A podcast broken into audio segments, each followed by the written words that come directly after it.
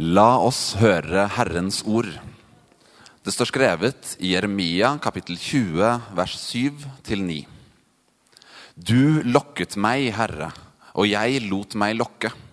Du ble for sterk for meg og vant. Jeg er til latter hele dagen, alle spotter meg. Hver gang jeg snakker, må jeg skrike. Vold og ran, roper jeg. For Herrens ord er blitt til spott og skam for meg hele dagen. Jeg sa, jeg vil ikke tenke på ham, aldri mer skal jeg tale i hans navn. Da var det som om det brant en ild i mitt hjerte. Den var innestengt i knoklene mine. Jeg strevde for å stå imot, men jeg greide det ikke.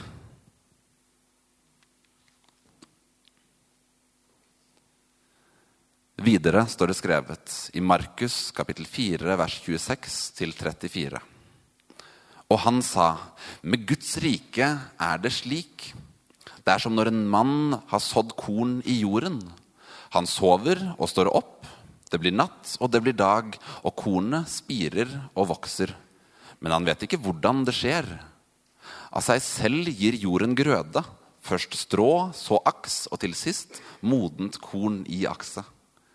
Så snart grøden er moden, svinger han sigden, for høsten er kommet. Han sa, 'Hva skal vi sammenligne Guds rike med?' 'Hvilken lignelse skal vi bruke?' Det er som et sennepsfrø. Når det blir sådd, er det mindre enn noe annet frø på jorden. Men når det er sådd, vokser det opp og blir større enn alle hagevekster og får så store greiner at himmelens fugler kan bygge rede i skyggen av det. Med mange slike lignelser talte han ordet til dem, så mye de var i stand til å høre. Uten lignelser talte han ikke til dem, men når han var alene med disiplene, forklarte han alt for dem. Slik lyder Herrens ord.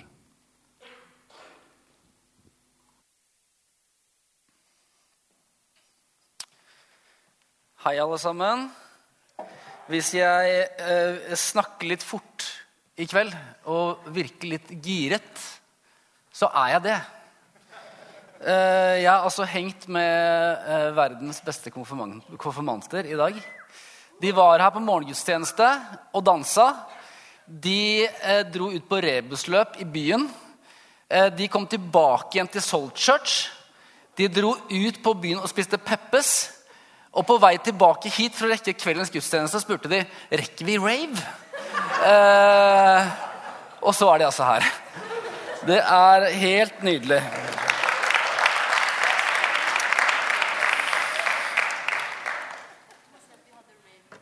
Dere hadde rave på veien.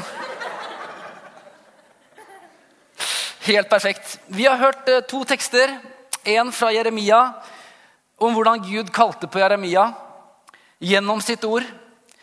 Og Jeremia som ikke klarte å stå imot. Og vi har hørt to lignelser som Jesus fortalte. To lignelser som begge handler om frø. Og at Gud gjør det Gud gjør, og at Guds rike ligner på et frø. Det vokser av seg selv. Og når det blir modent, da er det tid for innhøsting. Da må det høstes. Dette frøet, Guds rike, bitte lite, sant? Vokser av seg sjøl, og det blir til noe veldig stort. Uten at vi gjør noe. Så i dag skal talen handle om én kall, to timing og tre at Gud driver med greier hele tida. Helt uavhengig av oss. Er dere klare? Ja. Vi tror på en Gud som skaper. Det er hans vesen. Han sitter ikke stille, tilbakelent, observerer. Han er ikke passiv, han er aktiv. Han handler, han skaper. Bli lys, sa han. Og det ble lys, og det er lys. Gud blåser liv inn i alt som er levende i det som er dødt eller ingenting er, og han gjør det hele tiden. I hvert øyeblikk skaper Gud. Fuglen som kvitrer, hjertet som slår, frø som vokser. Hvert sekund er et sekund for skapelse. Noe nytt blir til. Ikke bare rundt oss, men også i oss. Og måten ting blir skapt på i Guds virkelighet, det er gjennom Hans ord. Gud snakker, og det skapes. Jeg strevde for å stå imot men greide det ikke, sier profeten i teksten vi leste. Gud snakket, såkornet blir lagt i hjertet hans, og det begynner å gro. Måten ting blir skapt på i Guds virkelighet, jeg gjentar, det er gjennom at Gud snakker.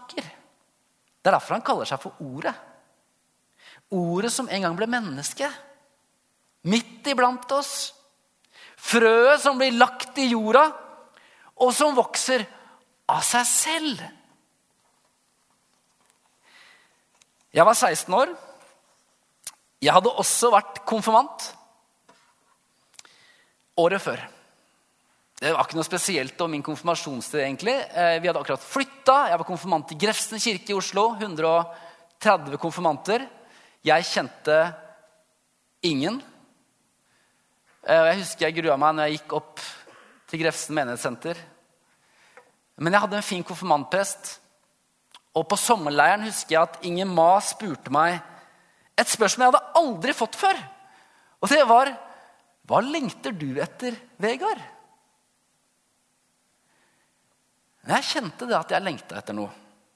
Jeg var tenåring. Og ett år etterpå så fikk det spørsmålet på en måte sitt svar i meg. I min tvil og min frustrasjon og min ensomhet så møtte jeg det jeg opplevde som et kall fra Gud. Jeg er den jeg sier jeg er, fornemmet jeg en si til meg. Og med ett så jeg et bilde av meg selv i en prestekjole foran en forsamling. Og det bildet gjorde meg glad. Det ga gjenklang. Det jeg opplevde som et kall fra Gud, det bar meg til teologistudiet, og det bor meg den dag i dag. Guds tiltale inn i mitt liv 16 år gammel, rett nedi gata her. Jeg er den jeg sier jeg er. Et frø ble sådd som vokste i meg. Men dette er jo ikke den eneste gangen Gud har talt til meg. Nei, Gud taler hele tida, ifølge han selv til meg og til deg. Store og små ting. Den gamle dama som jeg treffer på Torshov og drikker kaffe med. Den ekstra nattakosen til Noel når han hadde noe på hjertet. Hverdagslige ting, tanker, følelser, innskytelser. Hele tiden er det sånn at Gud taler til oss. Og det er på den måten han former oss. Det er på den måten han leder oss, berører oss Forsøker du å lytte til hans kall? Til deg? Det er jo noe umusikalsk å prate om kall. Jeg kjenner jo den jeg står her foran dere. Kall. Et ytre kall. En ytre tiltale. Ikke fra hvem som helst, men fra en som er større, og som vet bedre. Skaperen. Han som har gitt oss livet. Vil Gud meg noe? Er det ikke vår egen stemme vi skal lytte til, da? Er det ikke jeg som vet best? Er det ikke jeg som velger ut et frø og putter det i blomsterkassa mi i hagen og lar det spire og gro? Er det ikke ved å vende seg innover til det fantastiske menneskesinnet at svarene blir synlige for oss? Det er ikke så populært å snakke om valg heller, egentlig. For et kall fører med seg et valg. Vi er opplært til å velge, men det er bare at vi er opplært til å velge tusen ting. Vi kan liksom velge alt, vi. I sekulariserte Norge. Vi kan sitte med tre skjermer i sofaen. Vi kan høre på podkast, nyheter og musikk samtidig. Det fins liksom ikke grenser for hva du kan velge. Og alternativene er uendelige. Du kan være med på alt samtidig, tror vi. Det er det som er sekularitet. Hvordan kan man velge, egentlig? Når vi skal velge alt? Vel, om du velger noe Om du faktisk velger noe, så velger du også noe bort. Og det er faktisk ganske store greier. Om du velger noe, så velger du noe bort. Ja, det hører vi ikke så mye om. Vi lærer bare å leve livet som en sånn slags buffé. Og med det mister vi også friheten til å lytte og til å velge. Hva kaller Gud deg til nå? Det må være et spørsmål i kveld. Eller hva kaller Gud oss til? Jeg har lyst til å snakke om timing. Ja. Timing, dere. Alt har sin tid, står det i Forkynneren 3. Det er en tid for alt som skjer under himmelen. Det er en tid for å fødes, en tid for å dø, en tid for å plante, en tid for å rykke opp, en tid for å høste. En tid for å rive ned, en tid for å bygge opp, en tid for å gråte, en tid for å le, en tid for å lete, en tid for å miste. En tid for å bevare, en tid for å kaste. En tid for å rive i stykker, en tid for å sy sammen. En tid for å tie, en tid for å tale. Alt skapte han vakkert. Hver ting til sin tid. Ja, alle tider har han lagt i menneskenes hjerte. Hva er det tid for nå? I ditt liv, i vårt fellesskap, hva er det tid for i storsalen nå? I kveldsfellesskapet? Hva er det tid for hos deg, i din familie, i ditt kollektiv, i din vennegjeng? Er det tid for nå? Timing, dere! Det er utrolig fascinerende. Se, nå er den rette tid, sier Paulus. Timing er undervurdert. Hva er det som er på ferde? Hva vokser frem? Er høsten moden? Hva lengter du etter? Hva lengter vi etter? For Gud er timing essensielt. Tenk bare på Bibelen. Moses, Abraham, Jesus. Han kom til en tid, til et øyeblikk. Og selv sier han, 'Tiden er inne'. Tiden er nå, sier Jesus. Ikke, ikke, i morgen, ikke i går, ikke om en uke. Det er nå det skjer. Og Senere sier Jesus gjentagende, 'Min time har enda ikke kommet.' Nei, min time har enda ikke kommet, min time har enda ikke kommet. Og plutselig sier han rett før påske, 'Min time har kommet'. Nå er det tid. Han må være utrolig opptatt av timing. Jeg husker da vi startet ungdomsarbeid i Oslo rett ja, året etter min kallsopplevelse til prestetjeneste. 16-17 år gamle. Det var noen mennesker, noen hendelser, noen greier. Og plutselig hadde vi starta ungdomsarbeid i Oslo. Det varte i 25 år. Nå er det borte. Ja. Jeg var prest her i ti år. Frem til 2018. Vi snakka om ungdomsarbeid hvert eneste år jeg var prest her. Så ikke starte ungdomsarbeid, da. Jo, jo, vi kan prøve det. Ett forsøk der og ett forsøk der. Hengte opp plakater sant? og prøvde alt. Skjedde ikke en dritt. Så kom vi tilbake igjen fra USA. Og sant, greier og greier. Plutselig så var det noen som sier Skal vi starte ungdomsarbeid i Storsalen? Jo, det skal vi gjøre. Bang! Ungdomsarbeid i Storsalen. Bang! Konfirmanter i Storsalen. Hva er det som skjer? Timing. Og sånn kunne jeg fortsatt. Og det kunne faktisk du òg. Det er jeg helt overbevist om.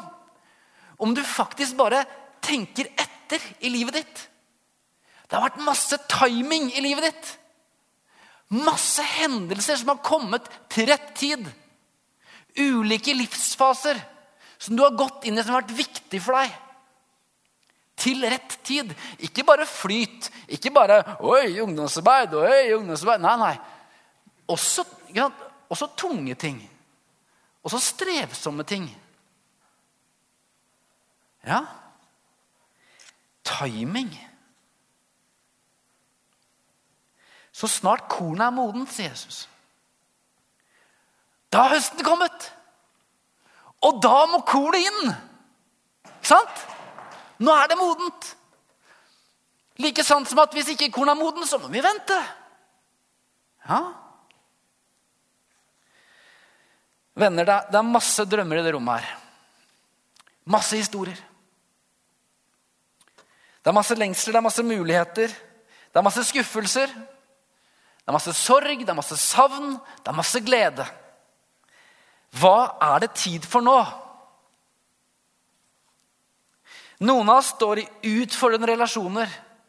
Noen har akkurat begynt i ny jobb. Noen sliter med å sove. Noen har båret på en visjon lenge, men bare vet ikke helt når det skal skje. Noen har tenkt lenge på at de burde flytte eller bytte jobb eller bytte studie. Noen har tenkt lenge på en idé for Jeg vet ikke. Masse greier! Tenk alt som rører seg her! Hva er det tid for? Hva er Guds timing i ditt liv nå? Skal du vente, eller skal du sette i gang? Skal vi vente eller sette i gang?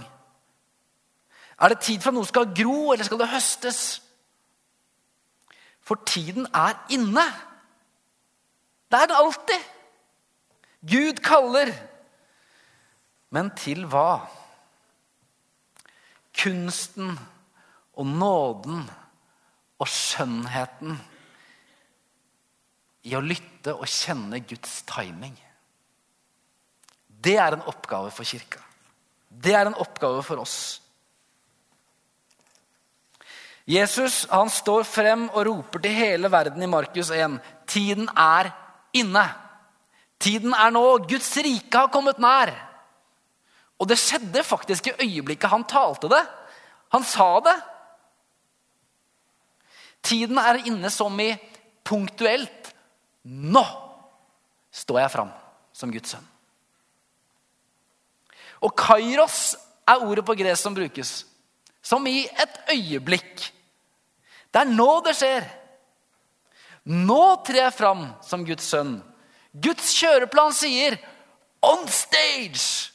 Og han er på, ikke sant? Men Bibelen bruker også et annet ord på tid. Og det heter kronos. Og Det er en annen form for tid enn øyeblikkstiden. Det er en tid som bare går og går og går durativt. To tidsbegrep finnes i Guds verden. Øyeblikket og evigheten. Og med Jesus har en ny tid kommet. Ja, i øyeblikket, men også en ny tidsfase. En ny virkelighet har kommet. Den som ikke avhenger av øyeblikk. Den som ikke avhenger av om du hører kallet. Den som ikke avhenger av om du tør eller tar sjansen eller Nei, den tiden som bare er her. Såkornet, Guds rike, det er lagt i jorda. En gang for alle. Gud er kommet nær. For godt. Han stikker ikke av. Nåden er kommet. Sannheten er kommet. For alltid. Ja, det er en tid for alt. Men det er også slik at det alltid er tid for å takke. Det er alltid tid for å være stille. Det er alltid tid for å glede seg over nåden. Det er alltid tid for å legge alle sine bekymringer på Jesus. Det er alltid tid for å bli båret av Han som alltid bærer. Uansett valg, uansett tid, uansett situasjon. Se, nå er den rette tid. Hver dag er frelsens dag, skriver Paulus. Kan vi stå i denne kombinasjonen? Lengselen etter å kjenne Guds timing. Hva nå, Gud?